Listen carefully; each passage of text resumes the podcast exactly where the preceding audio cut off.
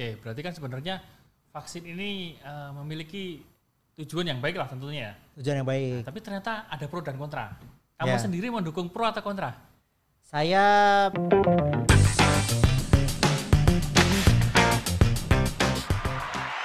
Selamat datang kembali di acara podcast Berisik Berita, berita asik Nah, bersama kita- saya Anom Prihantoro. dan juga Afud Syafril. Mending kita coba dulu nom. Iya. Put ini kayaknya ada hal yang baru ya di edisi kali ini. Aduh, Oh, kita selalu kali. baru. Jadi settingannya lah. Oke, punya saya lebih susah ternyata. Saya lupa kalau ini kayaknya eh, masker hijab. Nah, Oke. Jadi saya minjem punya mbak saya. Jadi Nom, ini kita eh, di fase masih membahas mengenai COVID, akhirnya kita sampai pada pembahasan vaksin. Vaksin. Hmm. Nah kemarin kan akhirnya eh, vaksin udah sampai, sampai akhirnya beberapa tokoh sudah divaksin. Ya Dan itu buat contoh ya. Hmm, bertahap di pemberitaan juga ternyata ada pro kontra juga. Nah, aslinya vaksin ki apa toh? Vaksin nih berdasarkan Hmm. di situs covid19.go.id ini resmi dari pemerintah ya. Yoi. Jadi vaksin itu adalah zat yang sengaja dibuat untuk merangsang pembentukan kekebalan tubuh dari penyakit tertentu sehingga gak gampang terjangkit penyakit yang sama dengan di vaksin itu. Oke. Jadi kita seperti menyuntikkan ini Food, menyuntikkan eh, alat al- atau sesuatu yang biar dikenali lebih dulu sama antibody. Jadi kan- se- sewaktu-waktu diserang dengan penyakit yang sama, itu mereka udah siap, tentaranya Hmm. udah dilatih. Oke, berarti kan sebenarnya vaksin ini eh, memiliki tujuan yang baik lah tentunya ya. Tujuan yang baik. Tapi ternyata ada pro dan kontra. Kamu Ya. sendiri mendukung pro atau kontra? Saya pro pro kontra gimana ya? Ah. Lebih lebih ke pro lah. Lebih ke pro ya? Ya. Ya, aku sih karena memang tujuannya baik, mending pro lah. Karena tapi ternyata memang ada juga kontranya. Nah, ternyata vaksin ini kan eh, COVID-19 khususnya di Indonesia kan kita pakainya yang mereknya Sinovac. Ya. Walaupun sebenarnya mereknya ini banyak. Apa aja sih? Ada si- Pfizer, Hmm. Moderna, eh, AstraZeneca Mm-mm. Dan lain-lain lah. Pokoknya Dan Sinovac itu sendiri kan? Ya Sinovac itu sendiri. Itu Indonesia baru mau pakai Sinovac aja karena eh, itu sudah bisa dibuat sama Indonesia sendiri. Nanti misalkan eh, itu akan ada perjanjian transfer teknologi, transfer informasi, transfer pengetahuan. Misalkan nanti eh, sudah kerjasama dan sekarang kan sudah dikirim ya, Ya. sudah dipakai, sudah disuntikan. Nah nanti perlahan-lahan Indonesia akan bisa membuatnya. Jadi ada perjanjian dengan Cina. Eh, Prototipe lah ya. prototype Hmm. prototype sudah dan sekarang sudah ada vaksinnya nanti kita bisa bikin sendiri kita dikasih bahan bakunya nanti Oke. dan ngembangin Tapi sendiri ternyata kan eh, ada juga kontranya karena itu ternyata yang disuntik kita disuntik virus, Ya. kita disuntik eh, penyakit atau apalah yang ya yang namanya vaksin kan ya itu tadi zat yang dimasukkan ke tubuh kita untuk menghasilkan antibody kan. Untuk itu membentuk. aslinya dari kebanyakan vaksin yang ada itu eh, ini saya kan nggak ngarang karena saya juga biasa mantau di isu. BPOM ya Badan Pengawas Obat dan Makanan itu sebenarnya bibit penyakit yang dilemahkan Nah, udah yang, lemah yang berbahaya ya. ya udah nggak berbahaya taruhlah ini virus SARS-CoV-2 atau virus yang menyebabkan COVID-19 ini Eh, dia tuh seperti virusnya Hmm. sudah dilemahkan dimasukkan ke tubuh kita dia nggak akan nyerang Eh, itu seperti memberi kebiasaan kepada tubuh terhadap virus itu dan jika ada yang virus asli yang virus benar-benar ganas dari COVID itu nanti udah siap tubuh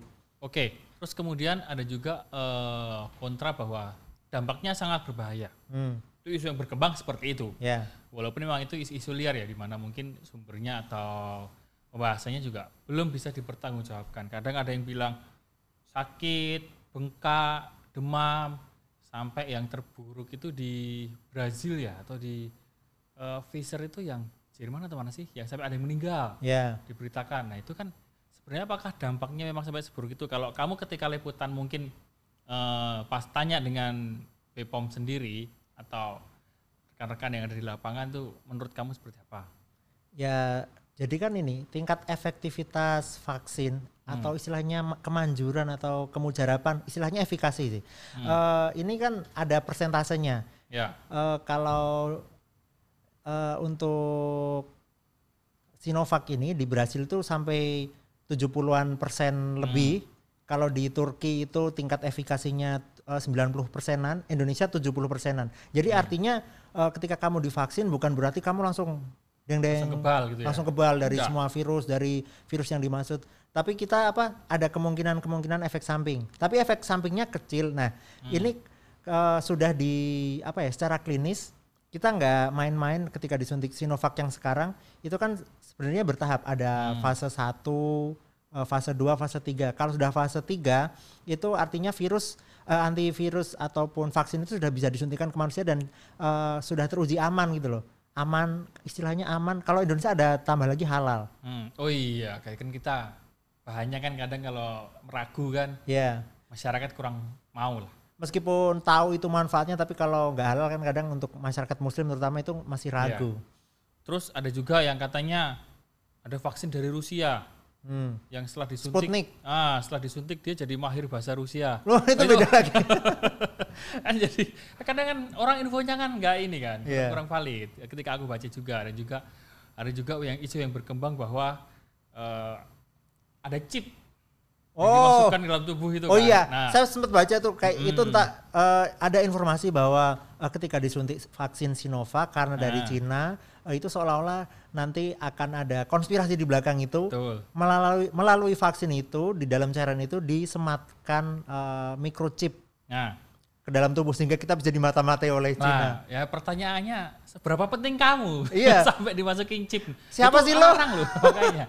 Aneh juga ya ketika kehidupanku cuma di rumah aja misalnya didetek ini algoritmanya si Afut nih ke mana aja kan ya ya nggak nggak nggak penting-penting amat sih tapi ada ada orang yang eh, termakan Iya. termakan info seperti itu makanya yang alasannya nggak mau divaksin katanya itu aku nggak mau dimasukin chip aku yang nggak mau juga nanti da- dampaknya sampai ada yang meninggal ruam-ruam terus biru-biru aneh-aneh lah. Nah itu kan infonya kalau kita baca di antara news kan sampai hari ini kan dampak yang muncul efek samping dari vaksin yang sudah disuntikan di eh, Indonesia itu masih dampak ringan kan? Masih cuman pegal Ya paling pegal terus habis disuntik ada merah-merah kayak digigit nyamuk. Ah, Tapi gigitan nyamuknya agak gede karena pakai jarum eh, suntik ya. nyamuk nakal itu. Ah, nyamuk segitu loh Oh ya Fut, ini kan soal tadi banyak ketakutan ya. Hmm. Sebenarnya kan eh, dari berbagai wabah, dari berbagai pagebluk istilahnya, Hmm. eh, ada. lawas pun tuh Pak Geblok Tapi di kamus besar bahasa Indonesia Iya, ada. ada ya, Pak Itu kayak Ebola, polio, Hmm. campak itu itu kan pernah mewabah, tapi bisa berhenti wabahnya karena vaksin. Betul. Ya, dengan izin Tuhan tentunya. Nah, jadi vaksin itu bisa menghentikan penyakit. Bisa menghentikan kan? wabah. Yang su eh, yang yang sudah berlalu kan terbukti. Terbukti. Teruji klinis. Ya, dan kita berharap dari eh, vaksinasi COVID ini agar Ya. COVID-nya pandeminya berakhir. Yang jadi kendala mungkin karena ini baru. Ya. Jadi orang masih belum percaya. Padahal orang selama ini disuntik vaksin juga diem-diem aja kan. Diam-diam aja. vaksin meningitis kalau mau umroh atau haji. ya, Itu vaksin. Ya. Iya kan? Ya. Walaupun kalau meningitis kan bakteri ya. ya. bukan virus. Terus kemudian polio tadi campak waktu Ya, kecil itu ya. juga vaksin. Ya. Tapi orang diem aja. Influenza Nah influenza juga kan. influenza itu kan eh, itu apa ya eh, sesuatu yang sepele tapi ketika disuntik dalam setahun itu kita nggak akan terinfeksi itu kan Nah. enak juga ya Iya. Tapi ketika ini vaksin karena memang baru di mungkin belum teruji ya orang kan anggapnya ini baru teruji dan ini memang baru diuji nganggapnya takutnya jadi kelinci percobaan. ya padahal kelinci percobaan dalam tanda petik itu itu kan sebelum disuntikan ke Presiden Joko Widodo Iya. itu ada pengujian udah- fase ah, fasenya. fase satu itu biasa- biasanya skop yang disuntik lebih Hmm. kecil orangnya jumlahnya dikit lebih besar lagi fase 2 dan fase 3 Hmm. Ini yang terakhir. Ini sudah menurut eh, standar Persatuan Bangsa-Bangsa WHO eh, Sa- untuk menjadi vaksin bisa disuntikan oleh kepada manusia. Sampai akhirnya tahap akhir udah dinyatakan ini aman buat Aman. manusia. Aman tapi dalam apa istilahnya emergency use authorization ataupun izin penggunaan darurat. Jadi sambil disuntikan sambil diawasi, tapi dijamin keamanannya. Oke, eh vaksin sendiri ini di Indonesia eh, masih Sinovac ya yang paling besar. Sinovac itu sebenarnya bukan karena paling besar ya, karena kan kita ada Bio Farma. Mm-mm. Eh, BUMN yang mengurusi vaksin dan sebagainya yang dia nanti siap mengambil transfer informa in- transfer pengetahuan dari Sinovac. Jadi tahap awal kita men- menerima biasa, lama-lama nerima bahan bakunya doang terus kita produksi, lama-lama kita bisa bikin vaksin produksi dalam Oke. negeri. Jadi intinya arahnya ke situ. Jadi nanti pada dasarnya Apakah kita bisa memilih vaksin yang akan dimasukkan ke tubuh kita? Ya. Akan kita lanjutkan di segmen selanjutnya.